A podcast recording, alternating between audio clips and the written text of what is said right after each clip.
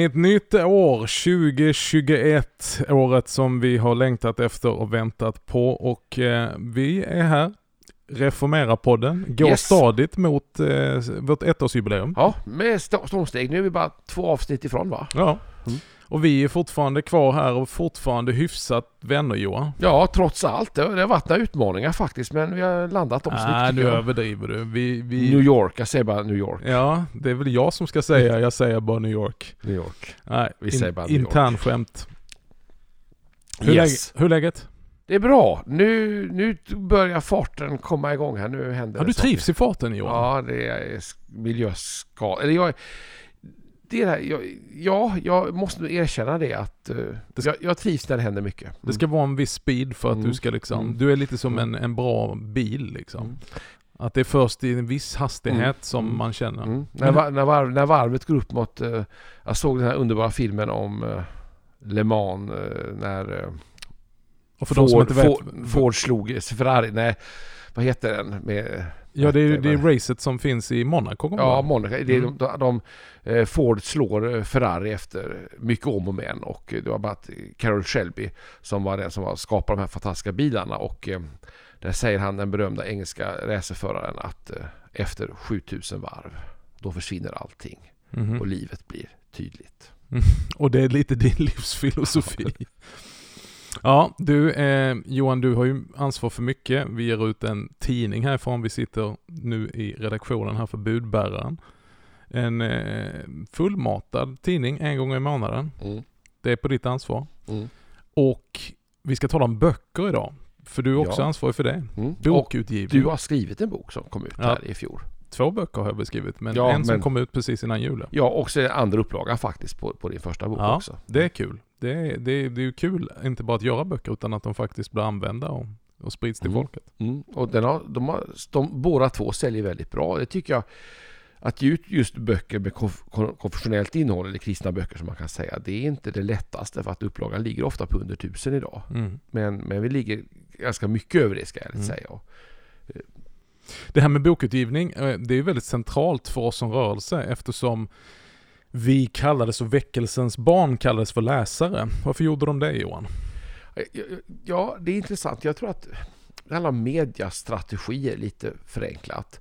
Om man ser hur väckelserörelserna föds och förmedlades på 1800-talet och framåt så tror jag att EFS var med och satte en standard. Eh, Vi har en central predikant, Karl Olof Rosenius, Mm. med, med flera ska jag säga, som har ett budskap. Och detta predikas ju predikstolarna men sen sprids det också via tidningen då, missionstidningen och Mm. även budbäraren. Vi hade må- många tidningar på den tiden så det fanns en uppsjö tidningar men framförallt budbäraren och missionstidningen hade väldigt stora upplagor, större än Aftonbladet. Men om jag får spola tillbaka Ja. innan, för att jag tänker Mm. att Karl Olof Rosenius är en produkt av läsarväckelsen. Ja. Där man Mm. samlades i stugor och, och, eh, Du menar historiskt? Ja, att- och läste Luthers postillor och... Också att vi hade konvertikelplakatet Ja. på den tiden som förbjöd egentligen religiösa samlingar i hemmet annat Mm. än för att läsa Mm. tillsammans. Och det blev Ja, läsarmöten då då. kom korpotörerna ut med böcker för att sälja dem men då höll de ju också stugmöten och då blev det egentligen ett sätt att, att, att komma undan de här reglerna och faktiskt hålla ett riktigt stugmöte. Men jag tycker ju än idag, eh, trots alla teknikens Mm. under, att det är fantastiskt just detta med böcker. Du kan ta del av en predikant, en andlig ledare, en kyrkofader som levde för hundratals, kanske tusen, nästan 15, 1600, eh, alltså jag menar precis som vi har Alltså, Bibelns skrifter. Vi har ju Bibeln tycker jag, det, det säger allt. Men det är liksom att, att du kan få Mm. andliga vägledare. Jag brukar ju betrakta så här att jag, på min egen arbetsplats hemma, så sitter jag ju med, med bokhyllan, eh, rätt så rejäl samling, i ryggen. Och jag känner liksom, här har jag mina andliga vägledare som vakar över min axel och som jag kan vända mig till och ofta gör. Det är en skatt. Jag, jag, jag tänker mycket att en boksamling är en skatt, ett, ett arkiv, någonting att ständigt återvända till. Och jag, det är också om att äga de böcker som betyder någonting för mig, för att man vill gå tillbaka till dem. Ja, för precis innan vi spelade in det här programmet så, så kom det in en och jag tänker på vårt arkiv här ute. Mm. Det är ju rätt häftigt och det kan man ju tänka eh, på det vi sysslar med nu, att nu skapar vi massa material, i och för sig inte kanske liknar vid ett bokmaterial, men hur kommer man att spara detta till eftervärlden? Ja, ja, det här är spännande. Här måste jag också få anknyta till det här med mediastrategi som vi börjar prata om. Eh, få landa den tanken. För jag tänker att det är roligt och tidningar, men tidningar är begränsade. De har inte samma värde som böcker har, för böcker är viktiga. Böcker har lite grann ett evighetsvärde. De håller i flera hundra år. De kostar lite mer pengar, står i bokhyllan. Och jag tänker att nästa steg då, FS, det var ju då Prikarordet, det var tidningarna, korporatörerna som då spred böcker. Och där blev en sorts mediasnurra då som gjorde att väckelsen nådde ut i hela Sverige. Mm. Långt förbi de platser predikanterna kunde gå rent fysiskt. Om man sen ser på senare väckelserörelser, till exempel pingstväckelsen under Levi Petrus, så upprepar han där under 30, mm. 40 och 50-talet där han startar bokförlag. Mm. Men också tidningar och även dagstidningar då. Mm. Och så småningom radio och tv. Mm. Och ser man då på sentida eh, eh, pingstkarismatiska rörelser har upprepat det här ytterligare en gång. Och jag tycker det är ganska intressant, så det följer samma mönster men det ger också ett väldigt stort genomslag i samhället. Mm. Och jag tänker en del av det som vi gör när vi ut böcker, att vi upprepar vår 1800-talsstrategi mm. på nytt. Och, och, det är också det här med att när någonting formuleras i skrift så blir det också mycket mer stringent. Mm. mm. Det är ju så läran formuleras. Det finns en sak som vad vi kan säga och tala i stundens ingivelse. Men så fort man sätter sig ner och börjar jobba med en text och har den framför sig så behöver du tänka till och formulera om och när det sitter där i skriftligt så, så, så händer det någonting.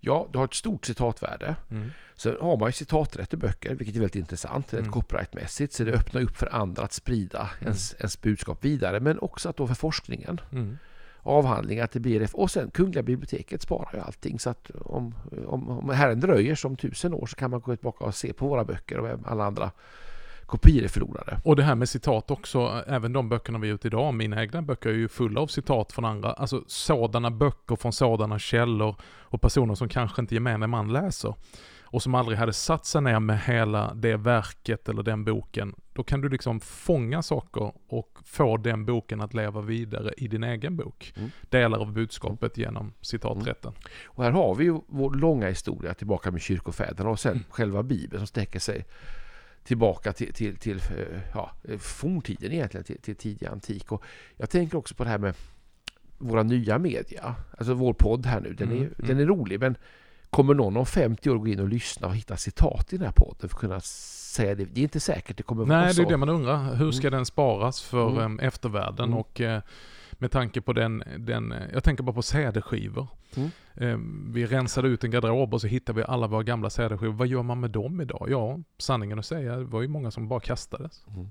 Mm. Ja, det är speciellt. Och, och den här flyktigheten också, att det funkar media. Att jag menar, nu finns ju det mesta online och finns uppe i molnet och det är väl så det kommer bli. Mm. Där finns ju då också böcker online som man mm. kan ta ner copy och paste. Jag tänker att eh, det här skapar någon form av mediasnurra där det ena mediet faktiskt ger det andra. Så att nu pratar vi då böcker i podden. Innan vi ska gå in och tala om, om de konkreta böckerna så tänker jag, här rör du vid något intressant.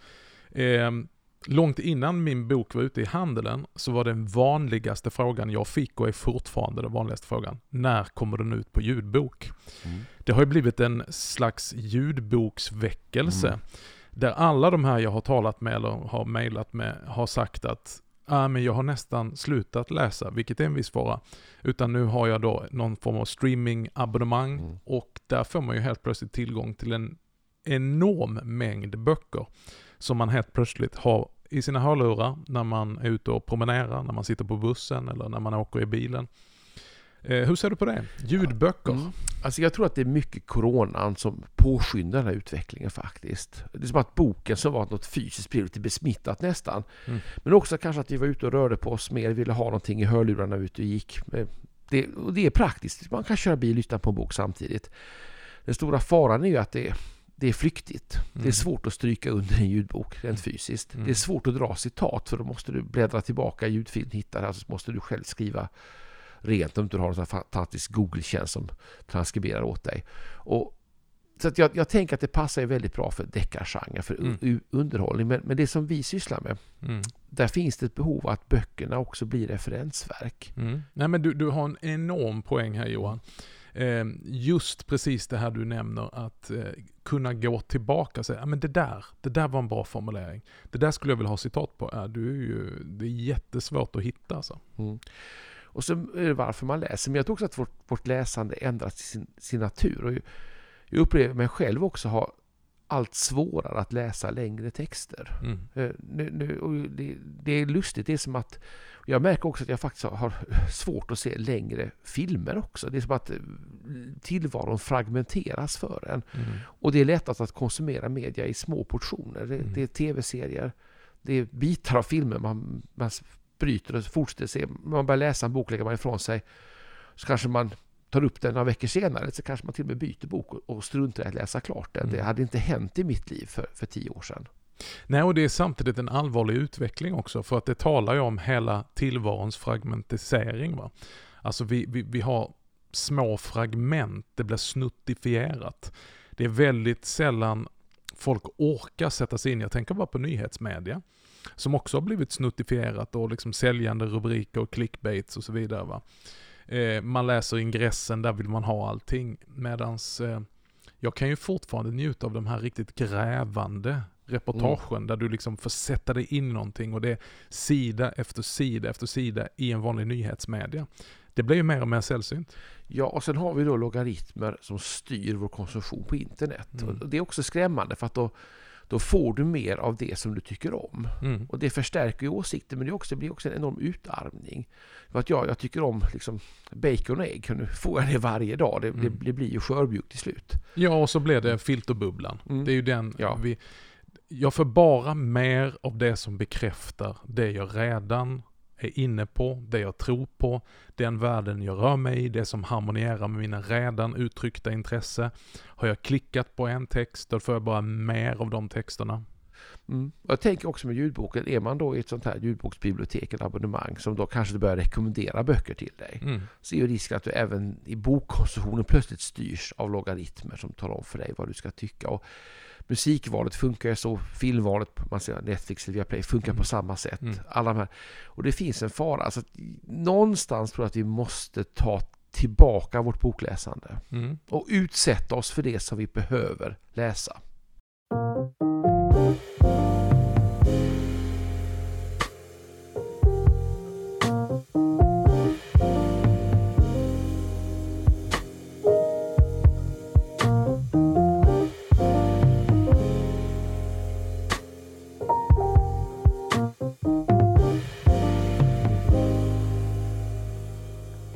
Tal om det som vi behöver läsa Magnus. Då nu har du, kom du ut med en bok här för någon månad sedan precis före jul egentligen.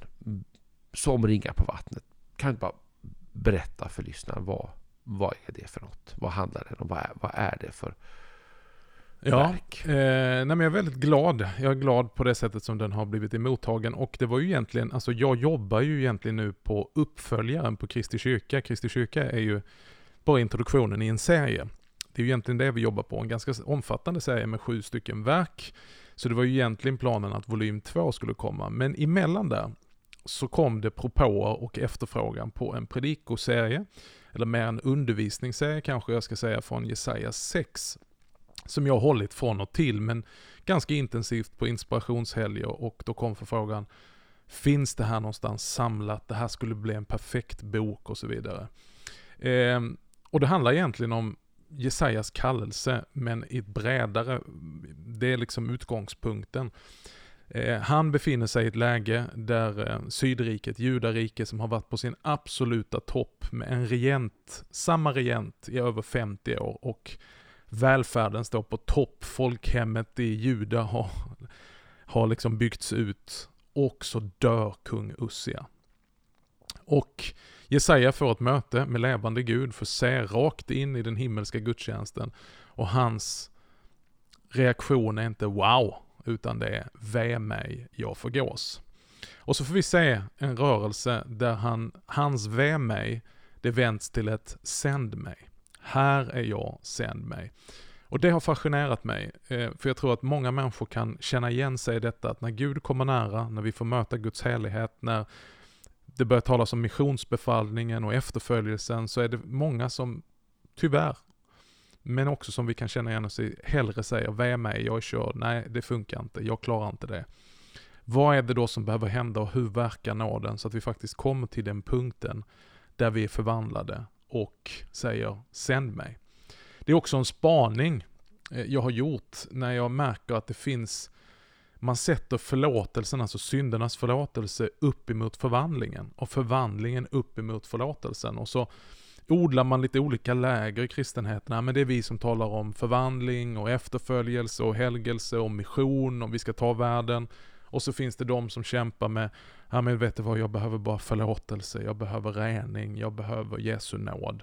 Men nåden är inte, det går inte att begränsa nåden till bara förlåtelse. Då talar vi falskt om Guds nåd, utan nåden är också förvandlande. Mm. Vem tänker du är målgruppen, den typiska läsaren för den här boken? Eh, jag har ju ett väldigt hjärta för de som själv står i ordets tjänst. Så att jag, jag skriver nog lite grann med tanke på predikanter, präster, församlingsledare, läkemän, men som, som förkunnar ordet. Men jag tror att tilltalet är lite enklare eh, och eh, jag tror egentligen, det, det, kan ju kännas förmätet så, så men, men, men frågorna jag bearbetar i den här boken, det är nog väldigt allmänmänskligt och de flesta kristna kan känna igen sig. Mm. Jag, jag, tänker att det är väldigt mycket både och, för att när man, som jag har läst manuset, det slår jag mig att det är väldigt mycket bra citat i manuset. Du, mm. du levererar väldigt många sådana här saker som är lättare att vidare citera. Mm.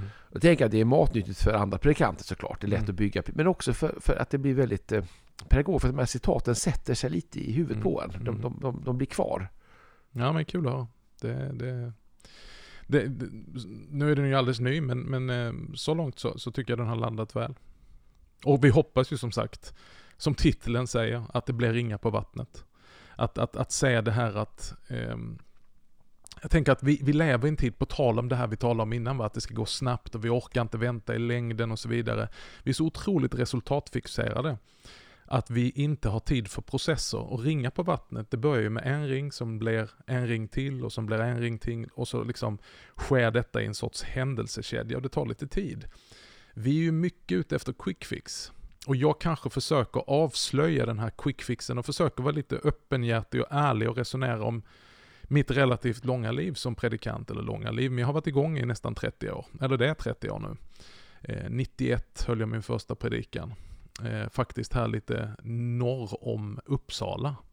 Älvkarleby. Oj, var ute i team. Jag trodde du skulle säga Knutby, men Älvkarleby. Nej, Älvkarleby. Tack. tack. Eh, och eh, jag har ju och resonerar och reflekterar lite grann om mitt eget liv också och, och misslyckanden. Eh, där jag också får vara ärlig och säga, för jag använder ju de här begreppen. Och, och Kristus för oss, Kristus i mm. oss och Kristus genom mm. oss. Jag har ju varit i sammanhang och själv stått som ledare i sammanhang där man bara betonar Kristus i oss. Alltså förvandlingen, helgelsen och bli Kristuslik. Och ser hur destruktivt det kan bli och hur självupptaget det kan bli. Eh, som alltid leder till att du på ett sätt, om du inte hycklar, blir en loser. Eftersom du ser hur mycket som fattas i det. Nej, när jag tittar efter så, det saknas väldigt mycket.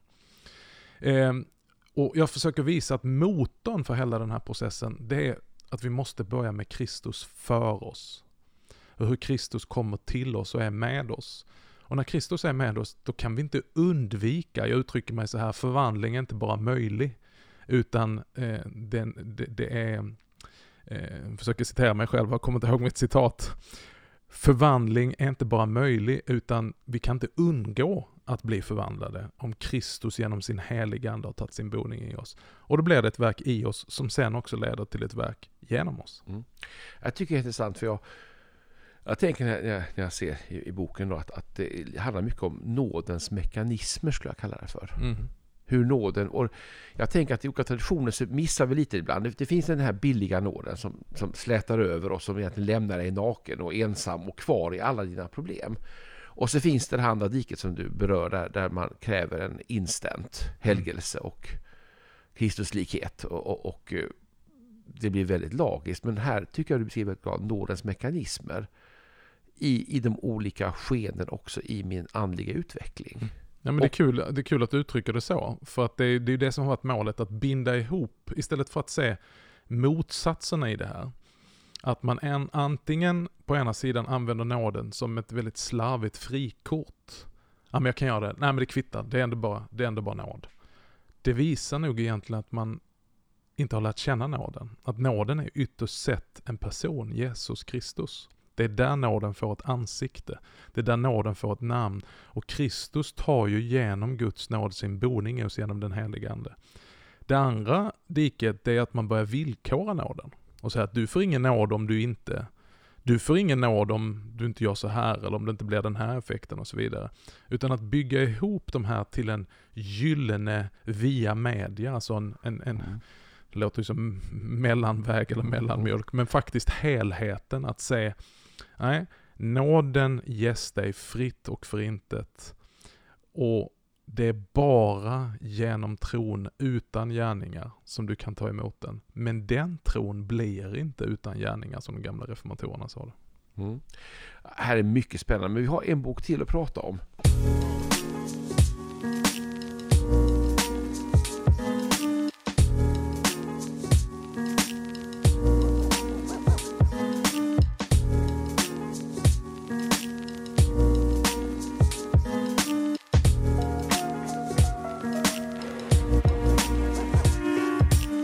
För när du pratar om nåden och då tänker vi då osökt på Karl Olof Rosenius och hans underbara verk som din favorit Synnes dagliga plåga. Men vi har också mycket nåd.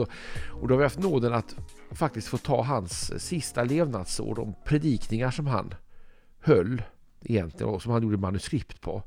De har legat i arkiv och varit opublicerade i över 150 år. Och vi tog fram de här. Lite grann som om ni har sett filmen Jurassic Park där de återskapar dinosaurier med DNA från, från eh, ja, fossil. Så fattas det, de är inte fullständiga sekvenser. Man fyller på med grod-DNA då som er... Du ska inte dra den bilden längre nu Nej, nej, nej, jag känner, vi stannar. Men det vi har gjort är att vi har gett de här manuskripten till nutida predikanter och sagt kan du slutföra den här predikan? Och du är en av de som har fått den frågan. Magnus, berätta vad, vad handlar den predikan du skrev om? Det är texten som, som är nu precis i den här tiden som handlar om efter jul då, då Josef och Maria får fly med Jesus till Egypten och är på flykt och hur ängeln uppenbarar sig och säger att nu är faran över eh, och ni kan återvända. Och det handlar lite grann om det som eh, Ja, boken heter ju, vi kallar den för Guds barns trygghet. Och, och det visar på det att Guds all makt och hans beskydd och att Gud tar hand om sina barn genom prövningar, genom lidanden. Eh, men jag tycker också det är spännande att vi har så många andra som medverkar, till exempel Peter Halldorf. Mm. Som skrivit eh, en predikan. Ja, han är ytterligare en groda då med andra ord. Nej men Nej, just också att skriva det i den eh, själavårdande mm. rosenianska mm. anda som, som mm. präglar Rosenius skrifter. Men så. att göra det på nu, nu mm i vår mm, tid. Liksom. Ja, och som får fylla ut de här luckorna. För att manuskripten är ju, de är ett stolpmanus kan man säga. Ja, jag har ju ett av manuskripten som jag har skrivit ifrån. ja, och, då får, och det är det stolpar. Det är väldigt vacker handstil. Ja. Sett, de finns, I boken finns ju original återgivna i facsimil mm. och transkriberade. Mm. Så man kan följa exakt vad Rosenius själv antecknar. Och det, och det är punktform kan man säga. Men lite markeringar hur, hur han tänkte predika tror jag. Det är lite mm. utropstecken. Man anar att, att han gav sig själv lite instruktioner. Mm. Men hur var det att få de här punktformen och, och göra dem till en, en hel predikan? Ja, alltså det var ju för det första en, en otrolig ära och förmån eh, som jag då som sent i livet har upptäckt Rosenius och som har tagit till mig så otroligt mycket och blivit så hjälpt, själavårdad, eh, berörd av Rosenius eh, skrifter. Att då försöka fullborda en predikan i hans anda med hjälp av hans eh, utkast. Det var både utmanande och väldigt kul. Spännande och, och det här är del ett av del två. Del två kommer mycket snart ut i handeln. Och vi har ju kallat det innan lite vårt take på Så mycket bättre. Utan ja. att nu säga att det mm. blir så mycket bättre. Nej. Vi har nämnt det innan i podden så vi ska inte stanna kvar där. Men jag tycker det är en bra liknelse. Mm. Mm. Det är fantastiskt att se hur gamla hits, jag har ju suttit och sett Så mycket bättre med mina barn då i olika, eh, de spänner ju över, över tio år i olika åldrar och eh, vi har ju suttit framför tvn och, och hört låtar som jag och Gunilla har minnen till. Eh, men som kanske var långt före vår tid också. Men som våra barn aldrig har hört innan. Och så hör de det helt plötsligt med en ny artist som just nu är inne, som gör sin tolkning och sin version.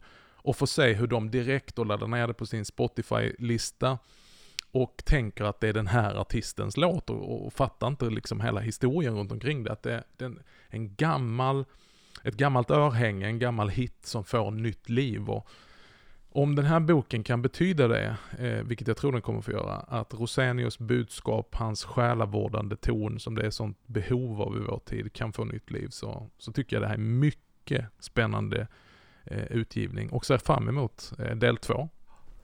Mm. Ja, det, det, är, det är roligt och det är en förmån och jag tänker att det är också den väckelsetradition vi befinner oss, att vi knyter an egentligen till, till roten här på det som är vårt, som är EFS grund. Mm och få berika Kristianskap med, med, med, med, så här. Och jag tänker också i, i vår tidlöshet. Jag, jag har en spaning där. Vi, vi pratade om kyrkofäderna innan. Och så har vi ju det stora arvet fram till reformatorerna. Så kommer då väckelsepredikanterna och serien och allting. Men ibland har vi lite svårt med det som är nära eh, mm. i tid. Mm. Alltså vi, vi, vi ett gap. Alltså kyrkofäderna är långt tillbaka. De är lätt att citera. De är ökenfäder. De är lite speciella. Och, och så har vi de nutida predikanterna. Men med Rosenius som ligger då två generationer bort bara blir lite otillgänglig. Kommer kan i ett bakvatten på något sätt kan man säga. Ja, samtidigt så tänker jag så här att min, jag, jag har ju mött eh, många som jag försöker fråga då, har du läst Rosenius och, och, och, vill uppmuntra att läsa? Och jag brukar ju säga så här att Rosenius var ju en av de sista som i vårt land stod i en verklig folkväckelse, där vi verkligen kan tala om folkväckelse. Eh, och det är ju intressant för den människa som längtar efter väckelse att se vad var det han sa och hur sa han det framför allt. Där har vi mycket att lära. Och då tänker jag att det, det, är, det är vår dröm och längtan att den genomgripande förvandling som skedde i svenska samhället under 1800-talets framförallt andra hälft. Mycket genom folkväckelsen. Man kan ge lite cred tycker jag arbetarrörelsen också kanske mm. till nykterhetsrörelsen. Eh, men mycket, mycket tack vare folkväckelsen och den enorma... Och sen kom ju FS, blev en del av Svenska kyrkan, men så kom frikyrkorna mm. till stor del ut ur oss. Och så fick vi den här liksom grundläggande... Och det är en förvandling som... Vi, vi, jag tror att vi lever i det paradigmet. Kanske vanlig svenska har svårt att förstå det, för man, man kan inte sina rötter. Mm. Men vi lever i paradigmet och jag tror också att vi har ett, ett att inte låta det gå förlorat mm. för vår generation.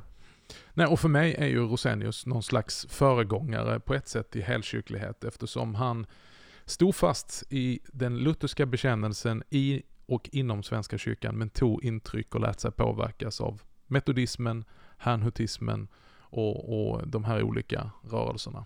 Och tog vara på det och införlivade det och produkten av det är ju EFS. Mm. Och nåden om vi idag då så här kunde få ha också ett inflytande mot vår stora moderkyrka mot den rika frikyrkan, få ge just det här som kanske vårt, mm. vårt vitamin på något sätt. Få mm. ut det, jag brukar ta bilden att vi får ut det i blodomloppet i Kristi kropp. Att det är, och jag att din bok bidrar till det. Återgörelseries bidrar till det. Mycket av det vi gör är i linje med det som EFS kallelseuppdrag. Och för att avsluta, Loe Lars-Olof Eriksson, ordförande för EFS och eh, docent i Gamla Testamentet. Jag är väldigt glad för att han har skrivit ett litet endorsement i min bok och på sista raden så står det så här, jag tycker det är träffande och jag är stolt över att han har skrivit så om boken. Detta är lag och evangelium, inte skärp dig och var snäll. Ja, det är bra. Och då tänker jag att det är väl kanske ett eh, budskap i tiden mm. som behövs också mm. i vår stora kyrka. Mm. Att eh, vårt tilltal till samtiden, det är inte skärp dig och var snäll. Även om det är ett gott budskap. Utan eh, Bibelns budskap är uppdelat i lag och evangelium. Vad Gud vill och vad Gud begär av oss som är gott och som verkligen visar vägen till det goda och verkliga livet. Men som vi inser när vi försöker att det klarar inte jag. Och då förstår jag att jag lever inte upp till den standarden som Gud vill. Men då finns det i evangelium nåd som räcks dig. Och inte bara nåd till förlåtelse och frikännande, utan en nåd som förvandlar, befriar och som upprättar. Och det, det säger vi verkligen amen på. Mm. Tack Magnus. Tack Johan och tack ska ni ha som har eh, lyssnat ytterligare ett avsnitt av Reformera-podden. Och vi vill att du håller ögon och öron öppna för nu börjar vi snart närma oss vårt ettårsjubileum och då ska vi alldeles strax i några kommande program berätta vad som händer då. Det blir lite speciellt. Mm. Ett år har vi hållit ut Johan. Mm, mm. Det trodde vi nog när vi startade, men, men, men det, blev, det blev så mycket bättre. Så mycket bättre. Och vill du eh, möta oss innan nästa fredag så håll utkik på sociala medier. Titta efter re kolon formera. Eller titta in på vår egen hemsida reformera.net där det finns artiklar och lite tankar i skrift. Tills dess, Guds rika välsignelse.